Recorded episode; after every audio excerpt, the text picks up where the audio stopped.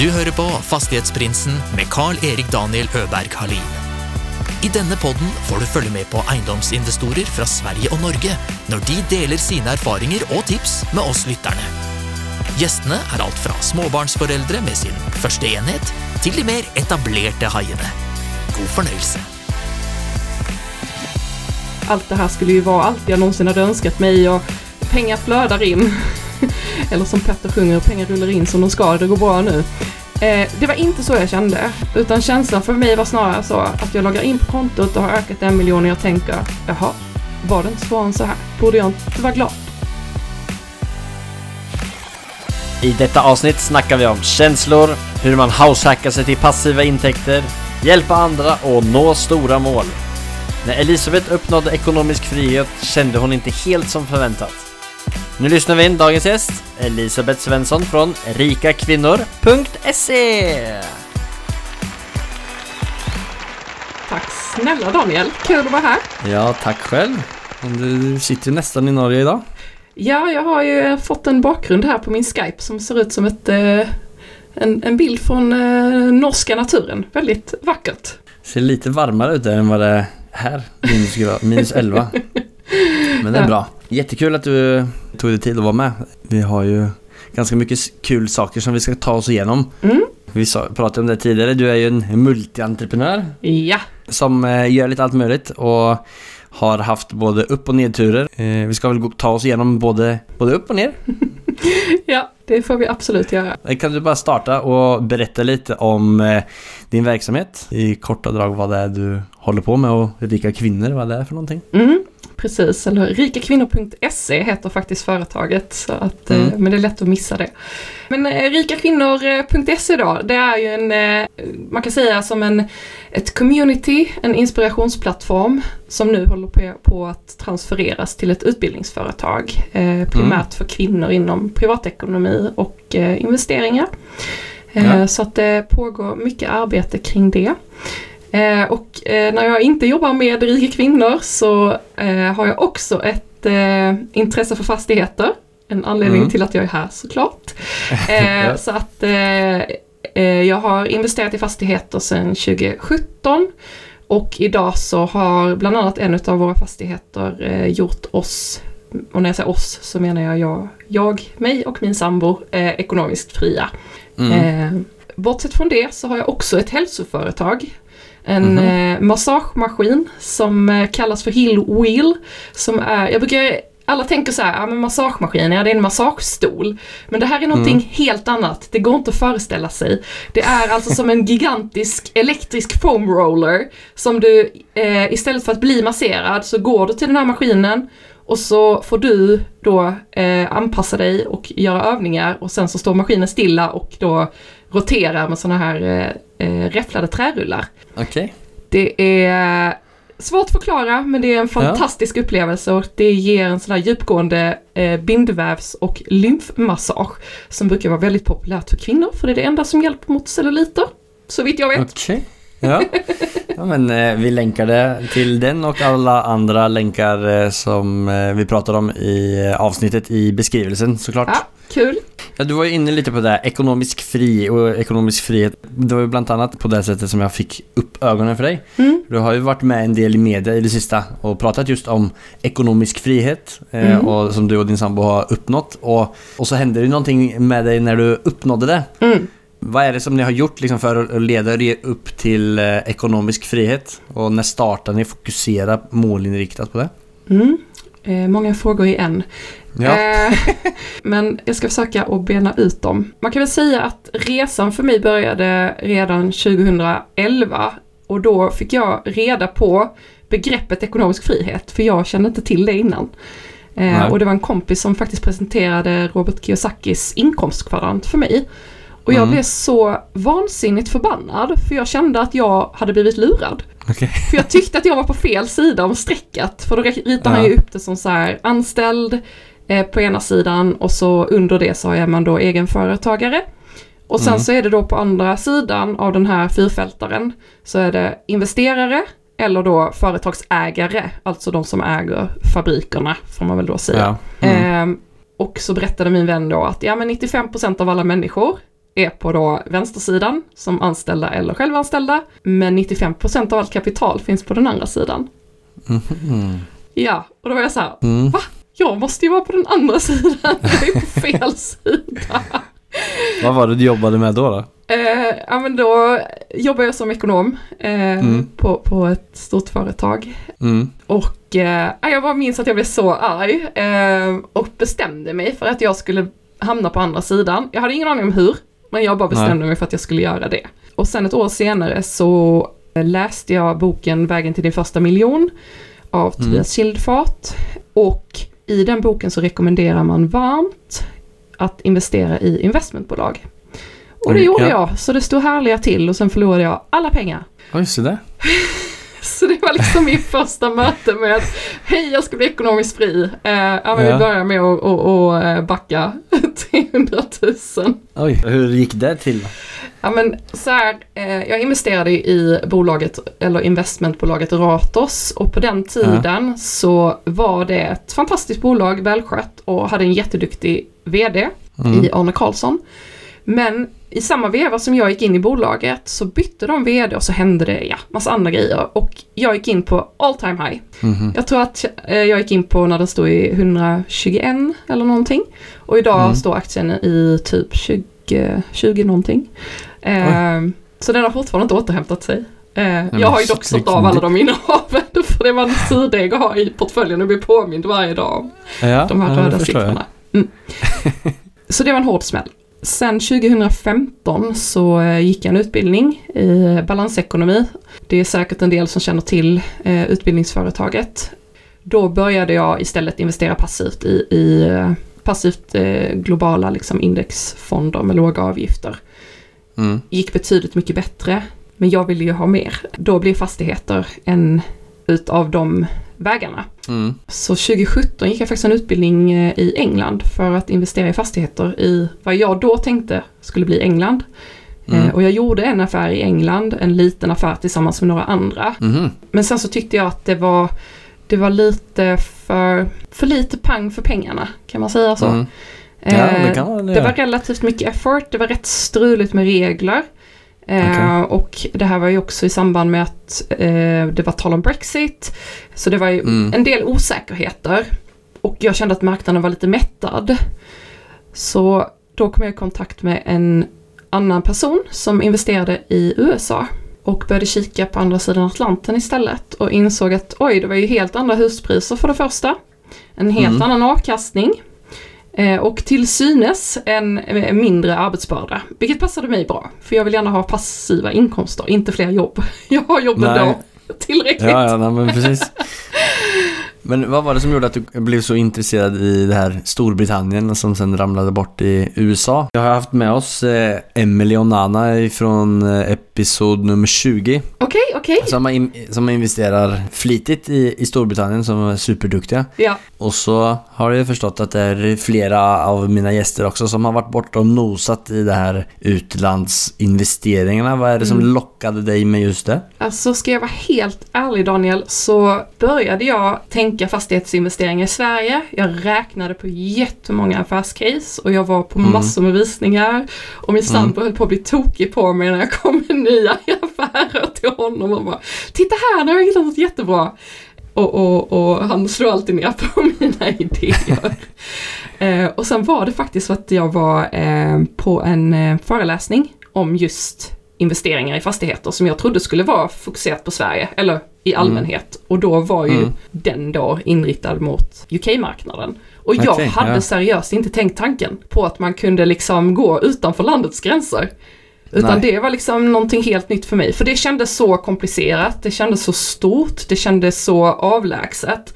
Eh, så jag hade inte ens tänkt tanken förrän någon väckte den. Så kan man väl säga. Mm. Ja, men det, det är ju jäkligt intressant med att investera utomlands. Eh, ni har, men du har gjort en del fastighetsinvesteringar i Sverige också. Eh, Ja, eller en del. Vi har gjort en hittills, så det är inte Ja. så många. Men eh, den Nej. enda har ju då finansierat vårt liv, vilket är Mm. helt fantastiskt. Så, Så att, en eh, fastighetsaffär har finansierat ert liv. Ja, Det är ju ganska intressant. Det är väldigt Eller intressant. väldigt intressant. kan du berätta lite om det? Ja, nej men det, och det är ju säkert ett koncept som inte passar alla. Det passar oss Nej. alldeles utmärkt. Mm. Eh, så vi bestämde oss, eh, det här var ju 2016 när jag började få lite kli i benen och tyckte att jag och min sambo skulle flytta till hus. Mm. Eh, för att, ja men man växer ur sin lägenhet och jag var väldigt sugen på att känna gräs under fötterna och ville ha en trädgård. Mm. Och tyckte liksom att shit, när man börjar titta och räkna på det där så det är dyrt. Och vi Mm. skulle bli ekonomiskt fria. Och då Mm. gick ju inte det riktigt ihop. För skulle man då lägga alla pengar på boende och Mm. drömmen om ekonomisk frihet fanns ju fortfarande där. Så det var liksom, fick börja tänka om. Så att, så att tanken om att köpa då ett vad vi i Sverige kallar för tvåfamiljshus. Jag vet inte om Mm. det finns i Norge, men generationsboende kallar vi det också. Mm. Väcktes faktiskt för att jag hittade en affär Mm. och började räkna på den och insåg Jesus Christ, vi, kommer, vi har inte råd att bo kvar i vår lägenhet för att vi kommer tjäna så otroligt mycket pengar på att flytta till det här huset. och det här är sant. Banken ville inte gå med på att ge oss lån. Nej. Så jag satte mig ner en hel dag och tog fram en 25-sidig Excel-fil med grafer där jag visade på att banken egentligen var, får man inte säga, men dumma om de inte lånade ut pengarna till oss. Därför att det här huset skulle ju göra oss så ekonomiskt fria så det var liksom beyond eh, vad som är normalt. Eh, och det slutade med att vi fick lån Av samma bank eller? av samma bank.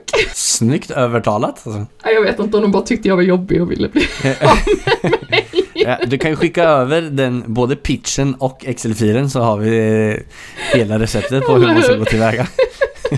Sen bytte bankmannen eh, oss. Eller så vi fick Ja. en ny bankman för jag tror att han inte ville ha kvar.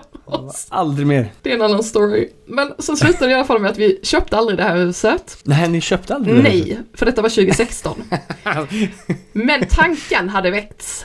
Ja, men vad hände? Varför köpte ni inte det? Om det var beyond ekonomiskt oberoende? Jo, därför att allting handlar inte heller om pengar utan om Mm. livskvalitet och Mm, vad man brukar kalla inom fastigheter, läge, läge, läge. mm. Nu var ju detta förvisso ett fantastiskt läge för det låg med dubbel havsutsikt, hur man ens kan ha det, men det hade det.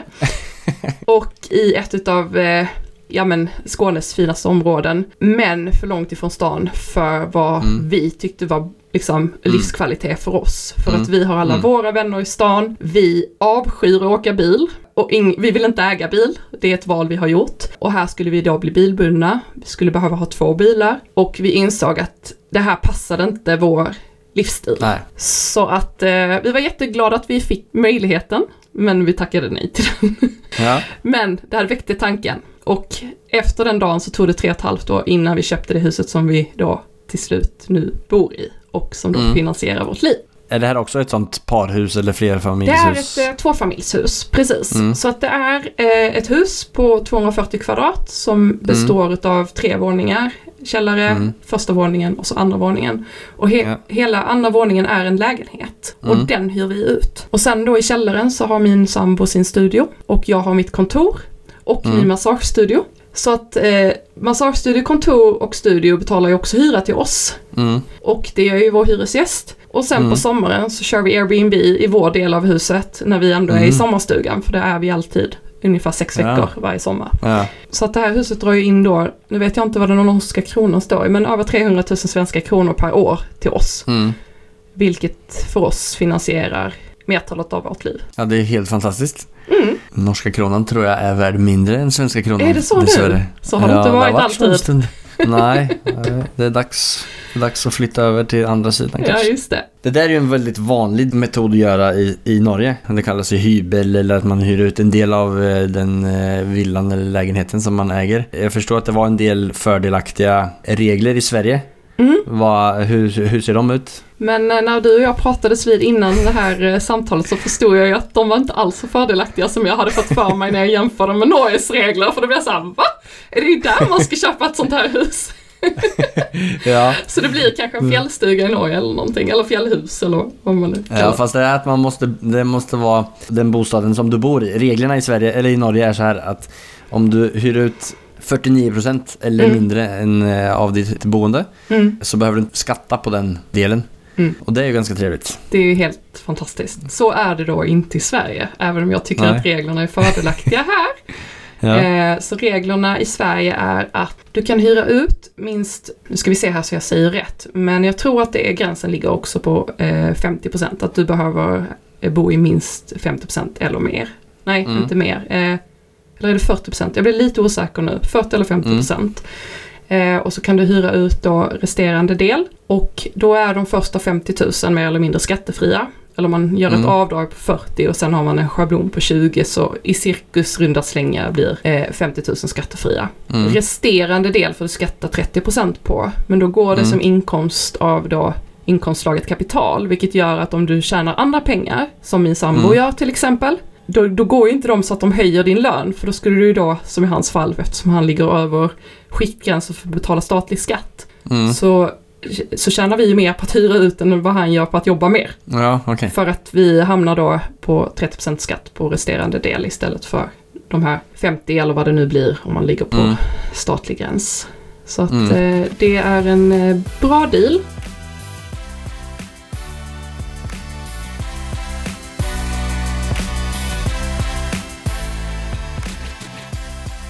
När ni köpte det här huset och uppnådde ekonomisk frihet Mm. så eh, hamnade du i en liten dipp. Ja, eller det var egentligen inte för att vi köpte huset och så. Nej. Det var egentligen så här, jag delar upp min ekonomiska frihet i lite olika steg. Eh, Ja, där steg okej. ett har egentligen varit att ha eh, inkomster passivt som Mm. täcker eh, mina utgifter. var Mm. första steget.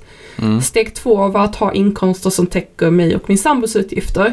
Och det var Mm. det vi nådde när vi köpte huset. För det finansierar våra utgifter. Mm. Steg tre har varit att på pappret ha en ekonomisk, eh, ekonomisk kapital på då i Mm. vårt fall dollarmiljonen. Och det Mm. var det målet som vi nådde i somras. Att vi har Mm. ekonomiskt kapital, eget kapital på över eh, 8,5 miljoner SEK då. Mm. Ehm, och det var i det sammanhanget som jag kände Mm. att jag tappade livsgnistan. Och Mm. eh, upplevde de här känslorna av ja, men tomhet, meningslöshet. Nu har jag ju kommit över på andra sidan men Mm. när jag tänker tillbaka på hur det var så, så det är ju aldrig en sak. Det var ju inte så att det bara var för att vi, åh nu är vi jätterika, åh nej vad, liksom, vad olycklig jag blev. Alltså Ja. så var det ju inte, utan det var snarare så här att jag hade jobbat jättemycket. Vi höll på att renovera huset, plötsligt går min morfar bort och i allt det här, då ökar vår pengamaskin, som jag kallar det, helt Mm. bisarrt mycket på väldigt kort Mm. tid. Jag kunde Mm. liksom logga in på kontot ena veckan och två veckor senare så hade det gått upp med en miljon. Mm. Och reaktionen för mig, jag hade ju tänkt om jag liksom ser tillbaka på min resa att åh, jag skulle bli jätteglad och allt det här skulle ju vara allt jag någonsin hade önskat mig och Mm. pengar flödar in. Mm. Eller som Petter sjunger, pengar rullar in som de ska, det går bra nu. Ja. Eh, det var inte så jag kände, utan känslan för mig var snarare så att jag loggar in på kontot och har ökat en miljon och jag tänker, jaha, var det inte svårare än så här? Borde jag inte vara glad? Mm. alla de tankarna kring att, men varför känns det inte mer? Och, och så kommer skammen på det. Ja, men jag borde ju vara glad, jag har det så bra. Jag har allt Mm. jag någonsin har önskat mig. Jag har en fantastisk man som jag älskar över allt annat och han älskar mig villkorslöst. Vi bor i vårt drömhus, vi lever vårt liv och vi har nu nå- uppnått den här liksom så här pengasumsdrömmen. Varför, varför är jag inte lyckligare? Har du kommit fram till något bra svar på det? Alltså jag tror att mycket handlade om, och jag, det var också en grej som jag märkte, för jag fick så himla mycket fin feedback. Alltså helt, Mm. jag typ ryser, men alltså det var Mm. helt bisarrt så många som hörde av sig till mig och bara Tack för att du berättar detta och jag kan verkligen känna igen mig i känslan. För att Mm. jag tror att känslan är ganska universell mellan oss Ja. människor. Just Mm. det här att när du har jobbat så hårt för att nå någonting så länge Mm. och sen Mm. når du det. Och då blir man lite så här, men nu då? Mm. Alltså att det blir den här lite så, man tappar andan, man, man tappar lite syftet, meningen. För det var verkligen det som drabbade mig. Alltså jag satt i ett halvår och hade verkligen så här, det fanns ingenting som kändes kul, meningsfullt, överhuvudtaget någon drivkraft. Alltså det var verkligen noll. Allt annat med företaget och, och driva det vidare, ta det till nästa, alltså det bara kändes helt meningslöst. Jag var såhär, vad är, vad är mitt syfte i livet? Vad ska, jag, Mm. liksom, vad ska jag bidra med? Ingenting känns roligt, ingenting känns meningsfullt. Nu har jag ju kommit fram till det. Det tog ju åtta Ja. månader, men det var åtta månader av total meningslöshet, verkligen. Det var några tuffa månader där. Eh, Det där är någonting som jag själv kan liksom relatera till när man uppnår ett mål som är liksom lite, det där är ett ganska stort mål. Alltså, Mm. som man kanske när man startar har sett som att det är väldigt långt bort. Jag tyckte nästan att det var omöjligt när jag satte det målet kan jag säga. Ja men, ja, men precis. Ouppnåeligt. Så, som, som skrivs om och liksom att sätta mål så ska man ju sätta mål, en vision som är så långt bort som att du nästan aldrig når den. Alltså, Mm. även om du har sådana där, eh, jag ska bli dollarmiljonär. Det är ett sånt stort triggermål men det är bara Mm. ett delmål ändå. Mm. Eh, förstår vad jag menar? För det handlar ju om att alltid ha någonting som man vaknar upp till varje morgon och är supertaggad till. Mm. Har du satt upp det, har du flyttat den baren längre fram eller har du definierat Mm. dina mål på något andra sätt nu efter den här processen som du var igenom? Ja men precis. Jo men det har jag.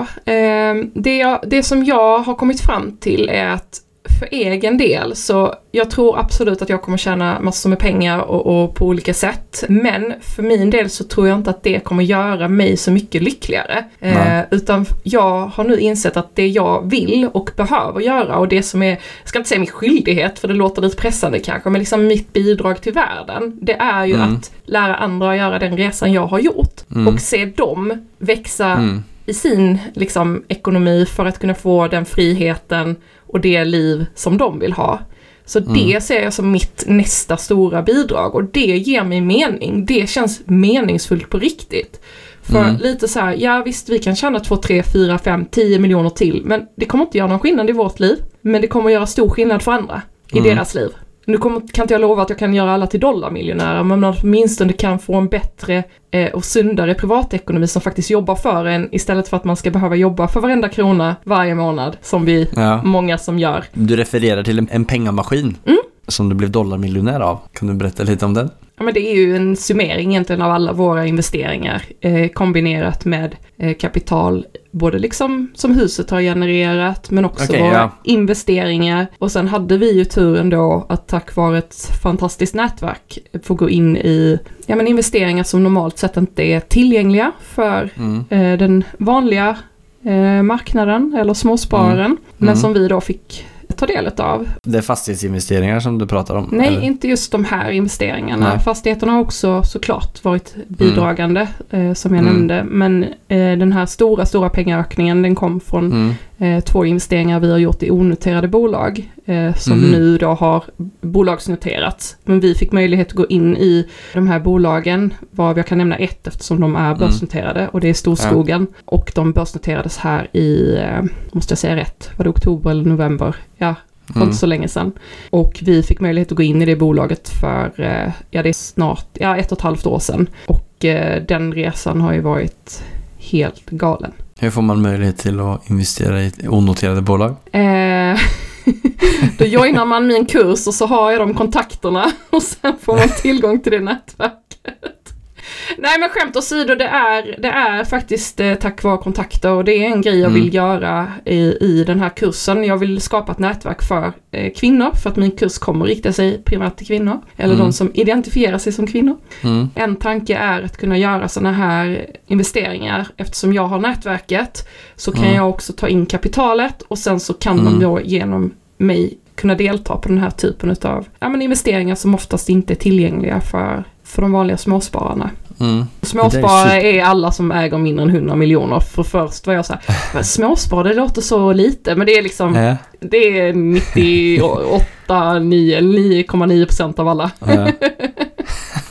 Det där är jätteintressant, alltså hur, eh, att klara att använda sitt nätverk till Mm. att ha en deal och sätta samman eh, ett paket så att alla kan vara med. Mm. Är det någonting av det som du kan dela med dig om? Jag blir bara väldigt nyfiken på hur, liksom, hur sånt fungerar och jag har respekt för om, du, om det är nå- någonting som du inte kan dela med dig om men bara dela med dig om allt som du kan. Alltså det jag kan nämna är ju eh, dels att jag har tankarna kring det, sen exakt hur det ska gå till, eh, Mm. det vet jag inte än för att nu har de ju också ändrat de här reglerna för crowdfunding eller gräsrotsfinansiering, vilket Mm. de gjorde i oktober här i, eh, jag tror till och med på EU-nivå, vilket gör Mm. att, att man behöver göra det på ett annat sätt. Men jag tänker Mm. att det är ju till mig att eh, på något sätt tillsammans med folk som kan det, eh, figure it out hur vi kan göra Ja. det här eh, och hjälpa personer då som, som är i mitt nätverk att göra den här resan i Mm. olika typer av investeringar. För investeringarna finns där,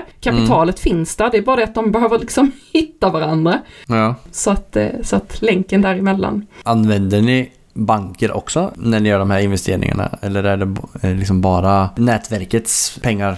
Alltså om du förstår, om man, eh, använder man nätverkets pengar till eh, egenkapital eller använder, och, och sen banken i tillägg till det eller? Eh, har aldrig varit med om att banker vill finansiera den typen av projekt så det är alltid från eget kapital. Men Okej. känner du Mm. någon bank så får du jättegärna rekommendera. Nej, men jag, jag, jag menar i, i sådana såna här crowdfunding eh, som eh, om man säger fast... Nu vet jag ju inte vilka fast, eller investeringar som du refererar till, men om man tänker på en fastighetsinvestering så finns det ju crowdfunding-sällskap som man kan, man kommer in med egenkapital och så... Eller att man lånar egenkapital från en crowdfunding till exempel. Och det är ju sån deal vi har gjort till exempel i USA, en crowdfunding deal. Men då är det investerarna som går in med kapital just Mm. av anledningen att det är extremt svårt att få finansiering från banker. Mm. Och, och speciellt om du då driver ett bolag som köper fastigheter i USA. Det är inte så att bankerna i Sverige är superpeppa på att låna ut. Bankerna i Nej. USA är inte heller speciellt peppa. Så att det är ju, du står ju Mm. lite i no man's land. Utan då handlar det ju om i så fall att faktiskt gå ihop eh, och göra det tillsammans. Mm. Och vad är det som är så intressant med investeringar i USA då? Ja men dels så är det ju helt andra priser. Alltså man blir, jag blir hemmablind när man tänker på vad en fastighet i Sverige kostar. Och vad Mm. den avkastar. Mm. Eh, nu vet jag inte hur priserna i Norge är men, men eh, ska du liksom köpa en hyresfastighet på, på ett relativt attraktivt läge. Jag menar vi pratar 10 miljoner uppåt. Eh, Mm. Det är rätt mycket pengar. Och då har du kanske en avkastning på, om du har tur, 6-7 procent. Om du har tur. Mm. Oftast så Mm. säger man att en avkastning på en fastighet i snitt ligger på 4-5 procent i Sverige. Mm. Och därtill kommer ju en del jobb med det. Så det är inte bara så att du köper en fastighet och sen liksom sköter den sig själv. Utan Nej. det ska ju fortfarande administreras och sen kan man ju självklart ha eh, personer som hjälper med det jobbet. Mm. Eh, men, men det ska också betalas. Så det beror Mm. lite på hur stor fastigheten är och hur mycket kapital som blir över till att faktiskt ta in folk och göra saker. Eh, och vad man har för avkastningskrav och allt det där liksom. Men tittar man liksom i USA så kan du ju köpa en fastighet för under, ja men alltså under en halv miljon. Långt under en halv miljon. Alltså alltifrån Mm. 10 000 dollar upp till 50 000 dollar och så behöver du liksom göra en renovering på det och det kostar såklart lite pengar. Men tittar du sen på hyresinkomsterna eller hyresavkast, alltså ROIn, eh, så ligger du kanske på en 15-16 procent. Och det är en ganska Ja. stor skillnad. Och de här fastigheterna som ni köper då, sitter alla investerare kvar med det då? Om man delar på intjäningen eller säljer, säljer de ut sig själva? Eller vad? Ja men precis. Nu ska ju inte jag tala för sak för det är inte jag som Nej. driver det här företaget utan jag är Mm. då en investerare i första hand Mm. och sen har jag Ja. också ett nätverk som har investerat här. Eh, Mm. Men fastigheterna eh, äger man ju inte då i det här nätverket Mm. utan du är ju då en crowdfounder, alltså Mm, du lånar okej. ut pengar. Så det är som en Mm. obligation. Och sen Mm. får du då betalt årligen för den här. Nu Mm. har det dock varit eh, covid som alla känner Mm. till och eh, då var det väldigt intressant eftersom vi har jobbat med Section 8. Eh, och Section 8 är då motsvarande bostadsbidragstagare. Där eh, Mm. staten går in och betalar hyran för de som har Section 8. Och det är väldigt Mm. höga krav på de här hyresgästerna för att överhuvudtaget få det. Så det är väldigt bra hyresgäster. Men Mm. det som har hänt nu är ju att eh, väldigt många har förlorat jobbet. Och det jag inte visste var då att även om du har Section 8, händer någonting i din försörjning så måste du ansöka på nytt om bidrag. Och eftersom det är så många som har förlorat jobbet på samma gång så är Mm. väntetiderna väldigt långa. Så just nu så inväntar vi på att staten ska börja betala tillbaka, eller betala ut pengarna igen. Eh, så det är också sånt som kan hända när man gör Ja. den här typen av investeringar. De är ju Mm. hög risk. Eh, och det, det liksom är jag ju väldigt medveten om och mitt Mm. nätverk. Men, men liksom även om man tänker att man gör en fastighetsinvestering som är relativt safe eftersom den är baserad på fasta hyresinkomster som är betalda Mm. från staten. Mm. Så kommer liksom ett virus och så här, sköljer över oss och sen helt plötsligt Ja. så blir det någonting annat. Nu tror jag att det löser sig, det är inga problem för att liksom, det finns ändå eh, en strategi och en struktur för att få igång Mm. det här. Men att Mm. det är ändå så här, det är nya grejer som händer som Ja. vi inte har upplevt tidigare. Och Mm. ja, det är ju intressant. Men eh, Vad, är det du tycker är roligast? Fastigheter, företag, aktier eller eh, vilken investering tycker du är... eh, personlig utveckling, får jag säga det. Ja, Det är den, den, eh, absolut. en liten twist. bästa investeringen eh, Ja. som jag eh, ständigt gör och har gjort under många, många år. Eh, Mm. det, det tog ju mig lång tid innan jag förstod hur bra avkastning man på får för att investera i sig själv. Ja. Och då är det inte bara finansiellt utan verkligen så här Mm. på alla plan. Och, och just det här med att få växa och, och hjälpa andra människor att växa. Alltså det finns ingenting bättre. Vad är det du känner att du får ut av det? Det är svårt att sätta fingret på, alltså det är ju tillfredsställande och såklart att, och, och ge andra. Vad är det för dig? Ja, men jag tänker att det fyller liksom ett djupare behov av mening. Eller så här, jag tror ju inte att det finns något egentligt syfte med våra liv, utan att det är någonting vi måste skapa själva. Och vad är bättre än att skapa ett syfte som både ger dig en liksom tillfredsställelse i att du får växa och utvecklas som människa och också hjälpa andra människor att få utvecklas och växa som människor. Jag kan inte komma på någonting som ger mig en större tillfredsställelse. Nej, det är fint det. Hur investerar du i dig själv då? Ja men, kul att du frågar. Nej, skämt åsido. Jag, ja, men det är lite roligt för jag precis innan vårt, eller vår eh, intervju här så, eh, så köpte jag precis en liten julklapp till mig själv. En, eh, Mm. en mastermind, eh, en ettårig mastermind eh, medlemskap eh, Mm. hos en av mina största gurus, eller vad man får kalla Mhm. henne så. Eh. Amy Porterfield heter hon, en eh, Okej. amerikansk eh, kvinna som är så galet inspirerande och jag har följt henne ett tag nu och älskar allt hon Mm. gör. Eh, hon är ju en... Eh, ja, det kan jag varmt rekommendera. Hon är så häftig. Så att jag ska vara med i hennes eh, mastermind-grupp. Och Mhm. eh, det var en julklapp jag gav mig själv. Vad snäll då. Ja, eller hur? Ja. vad, vad förväntar du få ut av den? Nej, men Har du jag... varit med i någon mastermind-grupp tidigare? Mm. Jag har en Mm. mastermind-grupp eh, och vi har hållit på nu i sju år och Oj. träffas eh, en gång i månaden. Ja. Och det har ju definitivt varit en bidragande orsak till vad jag är idag. Mm. Det rekommenderar jag alla att ha en grupp av människor som inte bara är jag-sägare utan också människor som eh, på ett vänligt sätt kan utmana dina tankar, eh, sätt ställa dig ansvarig för dina handlingar och eh, ge dig villkorslös kärlek både i upp och nedgång. För det är inte helt självklart. Någonting som jag har upplevt mycket liksom, jag menar som vi har varit inne på, den här resan för mig där vi är idag har ju inte varit spikrak på något sätt. Alltså, Nej. jag har ju trillat så många gånger och gjort Mm. så många misstag. Och det folk ser nu är ju framgången. Eller Mm. det, det de ser är resultatet av väldigt mycket misslyckande, väldigt mycket provande, trial and error. Men jag har aldrig gett upp. Nej. Men det jag märker är att när det går bra, då finns inte de gamla vännerna kvar. Nej. Varför tror du det fungerar så? Nej men det har ju mycket att göra med att man identifierar sig med människor och när någon kliver ur det normala och går vidare så tenderar ju många som är kvar på samma ställe att känna sig förminskade eller att de kanske inte är värdiga eller vad det nu må vara. Liksom. Jag tror att det är mycket Mm. liksom, rädslor och mycket ja, men inre omedvetna både tankar och handlingar som försiggår av en massa saker. Och att man då hellre tar ett steg tillbaka än att välkomna och bjuda in till den världen. Mm. I den mastermind-gruppen som du har varit med, medlem i i sju år, har det varit samma personer där hela tiden? Mm. Förutom att vi hade en tjej som kom in ett och ett halvt år efter vi hade börjat. Så att sen Mm. dess har vi varit samma personer. Ja, hur hittade ni, eller hur blev ni den gruppen? ja eh, det var eh, faktiskt på en eh, kurs jag gick. En sån här eh, present till mig själv kurs. Mm. Mm.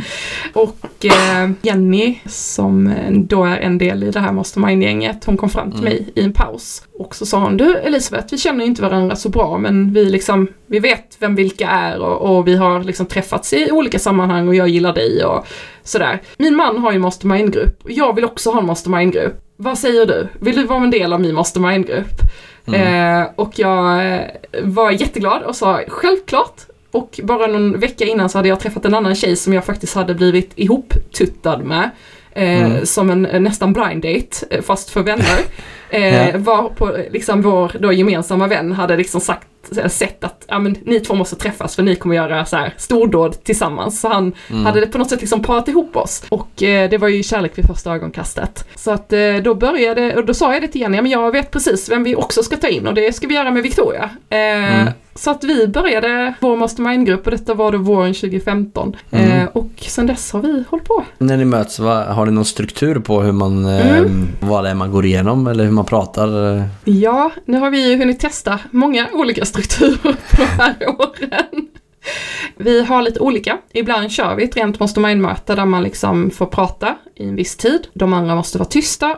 Sen får vi lite reflektionstid och sen så får man då eh, komma med input till personen som har pratat utan att den får svara. Det är Mm. en variant, så här klassisk mastermind-variant. Mm. Eh, vi har också kört mycket teman, alltså till Mm. exempel eh, investeringar. Mm. Eh, eller eh, ibland läser vi böcker Mm. och det kan vara så här högt och lågt. Eh, eller högt och lågt, nu, nu låter det som att så här. Men alltså väldigt vidda, olika vid, vidder på och ämnen. Den senaste boken vi läste var en superfilosofisk bok till exempel. Och så diskuterade vi den och kom in mycket på det här med mening med livet och Mm. alltså väldigt här stora frågor. Jätteintressant.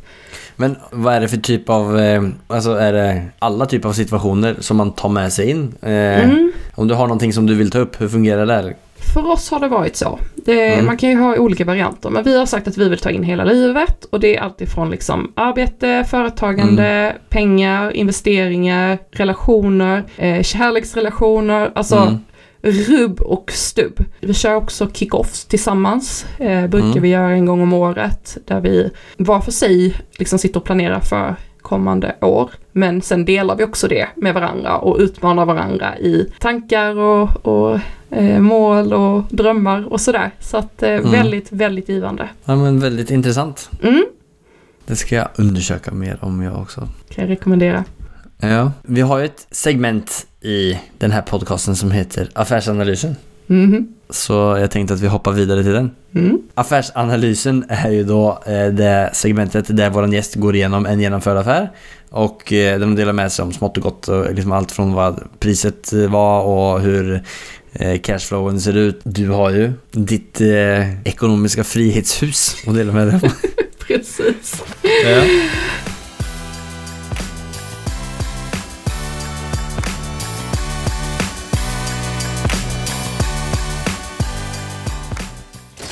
It has not been easy for me. And, you know, I, I started off in Brooklyn. My father gave me a small loan of a million dollars. Affärsanalysen. Ja men precis. Eh, det är ju eh, som sagt ett tvåfamiljshus som vi köpte 2019. Och eh, då kostade det 6,5 miljoner svenska kronor. Mm. Vi har ju lagt ungefär 500 000 på renoveringar så man får väl då säga 7 miljoner hittills. Men vi började hyra ut huset från dag ett. Mm. Så redan från dag ett så hade vi ju inkomster som betalade för alla våra liksom, husutgifter, eller vad man ska säga. Mm. Amortering, eh, lån och mm, alla driftkostnader. Får man eh, ta med det i beräkningen till banken? Alltså den hyresintäkten, den förväntade hyresintäkten på lånet? Ja och nej. Svarar jag på den. Så här var det att när vi gick till vår bank igen och skulle ha lån till den här fastigheten då. Ja. Eh, då var det dock inte så mycket tal om att vi inte skulle få lånet för att eh, vi hade liksom haft, vi hade bättre inkomster och vi hade ännu bättre ekonomi. Eh, så det var inte så att, att det var en fråga om vi skulle få lånet. Utan för oss var det snarare vem ska ge oss lånet. Mm. Eh, när vi presenterade caset för den bank vi tog lånet hos, då fick vi inte räkna in hyresintäkterna. Mm, okej. Trots att vi köpte det som ett hus där vi skulle ha hyresinkomster. mm. Däremot, när vi sen tre månader senare bestämde oss för att byta bank för att vår Mm. andra bank skulle höja räntan, det var inte vi så pepp på, Nej. så fick vi lov att räkna in hyresintäkterna. Mm. Därför att då kunde vi visa på att vi hade kontrakt som stöd, stödde detta och Mm. inkomster som faktiskt hade kommit in. Mm. Så att jag skulle säga att i, initialt så fick vi inte det, men när vi kunde visa på att vi hade hyresinkomster, Mm. då fick vi det. Om det var svar på frågan. Ja. Hur ser räntorna ut i, eh, alltså som privatperson i Sverige? Mm, jag skulle säga att de har väl aldrig varit mer fördelaktiga än vad de är idag. Eh, så vi ligger på en ränta på 1,27 i snitt. Mm. Och sen får man ju dra av 30%. Så vi pratar i runda slängar 1%. Ja. Du Det är ser eh, förvånad ut. Vi har ett ränteavdrag i Sverige på 30%. Så det är ju Ja. en rabatt då som är fantastisk. Så i runda slängar betalar vi 1% i ränta. Och på vårt lån som ligger då på 5,4 Mm. och sen har vi nu då ytterligare tagit ett lån på 350 000. Så 5,7 någonting Mm. betalar vi, är mindre än 5 000, mellan 4 och 7 och 5 000 i månaden för efter ränteavdraget. Shit. Men betalar ni, är det inte något så här lite lättare att inte behöva betala ner på lånet i Sverige? Eller? Det har varit så. Eh, det är dock inte så längre. Men då kommer min Nej. andra story här kring vårt hus och våra cashflow-intäkter. Ja. Därför att reglerna i Sverige har blivit mycket hårdare. Så att Mm. eh, upp till 70% belåningsgrad måste man amortera 2%. Och i Mm. vårt fall så låg då vår amorteringskostnad varje månad på nästan 10 000. 9 600 någonting. Mm. Vilket är en ganska stor liksom, utgift. Även om jag ser det som ett sparande så är det fortfarande Mm. pengar som måste Ja. på något sätt finansieras. Och i Sverige så är det sagt så att du får värdera om ditt hus vart femte år. Okej, man Eh, får inte göra det oftare alltså? Nej, om Mm. du inte har gjort värdeförhöjande åtgärder. Mhm. Finns dock ingenting som berättar vad en värdeförhöjande åtgärd är. Nej. Det finns bara en klausul som säger att det, vad det inte får vara. Och det får inte vara ett renoverat kök eller ett renoverat badrum. Nej, okej. Sen är det upp till banken att avgöra. Ja. Så nu gjorde jag ytterligare en sån här 20-sidig Excel-fil till banken. jag skickade in våra renoveringar. För vi har ju ändå lagt om tak. Mm. Eh, vi har bytt alla fönster. Mm. Vi har flyttat vårt kök, så vi har fått Mm. ytterligare ett sovrum och ett helt nytt kök. Och sen har vi gjort, ja, byggt trädäck och eh, utespa och massa andra grejer liksom. Mm. Eh, så att jag skickade in det här till banken och eh, de godkände vår värdeförhöjande åtgärder. Ja. Vilket innebar att vårt hus blev uppvärderat. Mm. Eh, så från då eh, 7 miljoner om man nu ska räkna in våra Mm. utgifter också för renoveringarna. Eh, Så Mm. blev det uppvärderat till 8 och en halv Mm. på pappret då. Nej, Mm. 8,3. Jag ljög lite. Mm. 8,3. Mm. Eh, Mm. Mäklaren var så här, ni, skulle ni sälja det idag så tror jag ni får 9,5 men jag kan inte skriva det på pappret så jag sätter 8,3 plus minus 300 000 typ. Ja. Eh, och jag var lite så här, ja men that's good enough för att då Ja. hamnade vi över, eh, eller under den här 70-procentiga amorteringsnivån. Gränsen som gör att ni inte behöver amortera. Mm. Yes. Så ni bor i det här huset och betalar eh, 5000 spänn i räntor typ? Ja, och nej, Ja. vi betalar faktiskt också eh, renovering, eller renovering, nu blandar jag ihop begreppen, förlåt, börjar bli trött. Ja. amortering eh, Ja. på då 1% istället för 2, vilket är hälften. Och det är ju en rätt så stor skillnad, så vi betalar 10 000. 1%. Så ni betalar ner året på 100 år? Eller nej, ni, bet- ni, ni betalar ner huset på 100 år? Oh, det har inte ens jag räknat på. jag tänkte Nej. aldrig betala av det, för jag tänker Nej, att nej, inflationen sådär- äter upp eh, lånet ändå, så att jag är så här, ge mig så mycket lån ni kan. Ja. ja det där tror jag... Nej, det där var, det där var en bra regel tycker jag. Mm. Nej men snyggt, bra jobbat. eh, vilken fin värdeökning ni gjorde där. Vi hoppar vidare till vårt nästa segment som heter Fyra frågor. Ja, Det är de samma fyra frågorna som jag ställer till eh, alla gäster.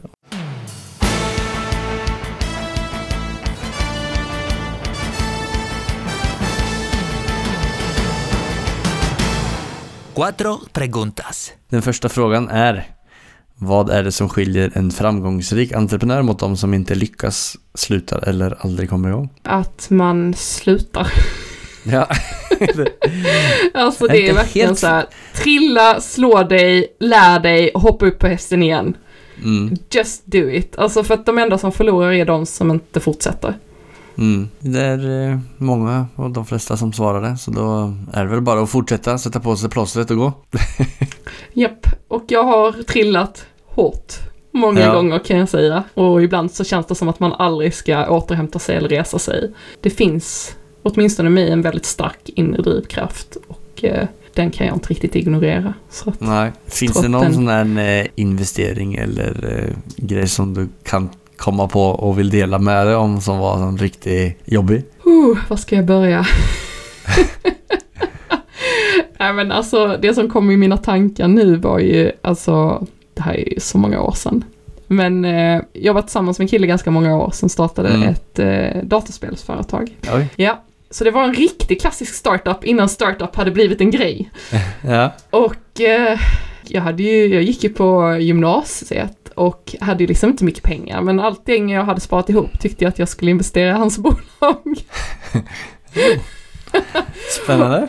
Och det vi inte fattade då, det var ju för att alla hans kompisar investerade och vi var rätt så många, han hade ett jättestort nätverk. Så att vi Mm. drev upp den här aktien liksom på egen hand.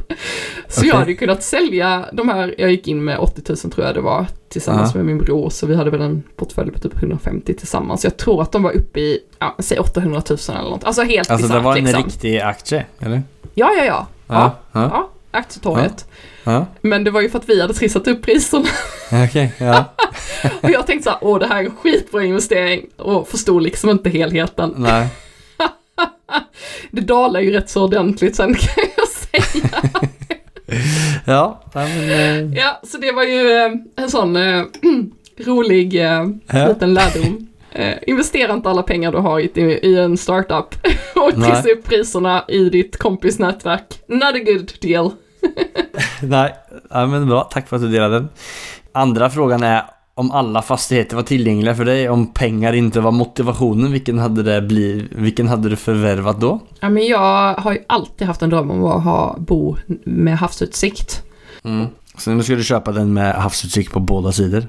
Ja, precis. Nej, det skulle jag inte för att havsnivåhöjningarna känns för eh, nära i tid. Eh, men eh, på lagom avstånd så att man fortfarande kan bo kvar när Ja. havsnivån höjs med 20 meter. Eller vad de sa. Jag var på något föreläsning där de sa att blir det 3 graders ökning så pratar vi 20-25 meters havshöjning. Och det kände Ja. jag lite så här, shit på en fritt. Jag trodde vi hade safeat oss för vi ligger så här 8 meter över havet i vårt hus. Och sen så bara 20 meter, det är ju liksom, då är vi liksom över taket. Mm, ja då får det bli en eh, bergsfastighet. Berg med hav då. Ja. Ja. eh, bästa boktips för en som är intresserad i fastighetsinvesteringar eller investeringar generellt? Mm, alltså jag gissar att det är fler som har rekommenderat Rich Dad Poor Dad. Det är nog det. Men alltså den är ju, man ja. måste bara läsa den. Alltså mm. det störiga var att jag kände till den här boken redan när jag liksom började min Mm. resa. Så har jag hela tiden tänkt, åh jag måste läsa den, jag måste läsa den, jag måste läsa den. Mm. Och så tog det mig kanske så fem år att läsa den. Alltså inte Mm. att läsa den, men innan jag läste den. Ja. Eh, jag läste ut den på en kväll tror jag. Eh, och så var jag så här, varför har jag inte läst den här boken innan? Alltså den var ju Mm. helt fantastisk. Mm. Så mycket bra insikter. Och det, den handlar ju om fastighet, men den handlar inte bara om Mm. fastigheter. Den handlar ju så mycket om mindset och liksom hur man kan tänka och ja, jag, alltså det är fortfarande så en favorit liksom. Mm. Det är många som har nämnt den och den är värd att nämna igen. Så har du inte läst den så vänta till fem Ja. år som jag gjorde för det var Nej. jättedumt. Nej. Den finns på Spotify, fick jag reda på faktiskt också. Så man kan Så- lyssna. Man kan lyssna på den. Snyggt. Det kan man göra. Even better. So it's for free. Ja, om Oh. man har Spotify. Så fjärde och sista frågan då. Nämn det mest storartade, roliga eller minnesvärda sättet som du har firat en genomförd affär eller seger på. Ja, herregud. Jag är så dålig på fyra. ja. Det är vi väl i Skandinavien verkar det som. Mm, men jag får väl säga, jag tycker att jag och min sambo har blivit lite duktigare på det. Mm. Eh, Mm. Vi har alltid en flaska skumpa i kylen. Dock alkoholfri, för det föredrar vi. Mm. Eh, men det finns där och vi, det är faktiskt väldigt ofta för väldigt små saker som vi tar fram dem. Mm. Eh, och, och det tycker jag är sån här, det behöver kanske inte vara de här stora grejerna. Eh, utan att liksom just det här vardagslyxen och bara kunna liksom, ja men nu, nu tar vi fram bubbel och skålar. För nu har det här hänt. Och det kan vara en sån liten grej som att, ja men vi gjorde det när jag var med i Ekonomibyrån här på SVT Mm. förra veckan. Mm. Ja men nu ska vi skåla för att, Ja, men det är klart. ja. Ja, men det är bra. Det är bra att ni är duktiga Så på att fira. små saker kanske snarare än, var- ja, än stora. Ja. ja men så bra. Jättekul eh, att eh, snacka med dig Elisabeth. Det var superkul. Vi har varit igenom massa spännande och lärorika saker. Mm, Känner tack. du dig nöjd?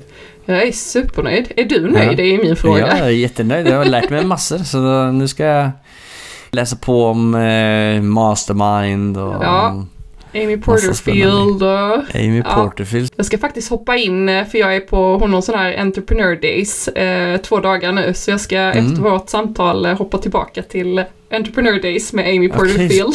Ja, så jag fick låna en liten timme av du det här. fick Ja, men det låna mig en timme. Ja. Ja, men ja, jag, men hon det- spelar in det så jag kan se det jag missade Ja. i eh, efterhand. Vilket är jättebra för jag vill inte missa något. Nej. Ja, men, tack så jättemycket och om det är någon som är intresserad av att komma i kontakt med dig, eh, om de har några frågor eller vill samarbeta med dig eller eh, bara är nyfiken på något annat, eh, hur Ja. kommer man i kontakt med dig på bästa sätt? Rikakvinnor.se, jag finns på alla medier. Eh, Instagram, Mm. Rika Kvinnor då. Eh, Facebook, rikakvinnor.se och eh, såklart hemsidan rikakvinnor.se. Mm. Det, där hittar man mig. Nej men och vi länkar till allting i beskrivningen här också.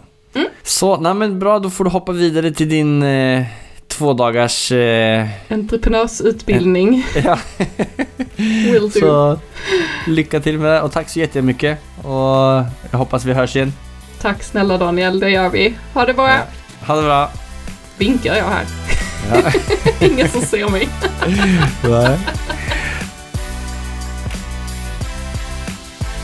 Det som jag älskar i samtalen med mina gäster är att oavsett om det är på din 500 affär eller din första med en helt annan strategi än jag så har vi någonting att lära av varandra.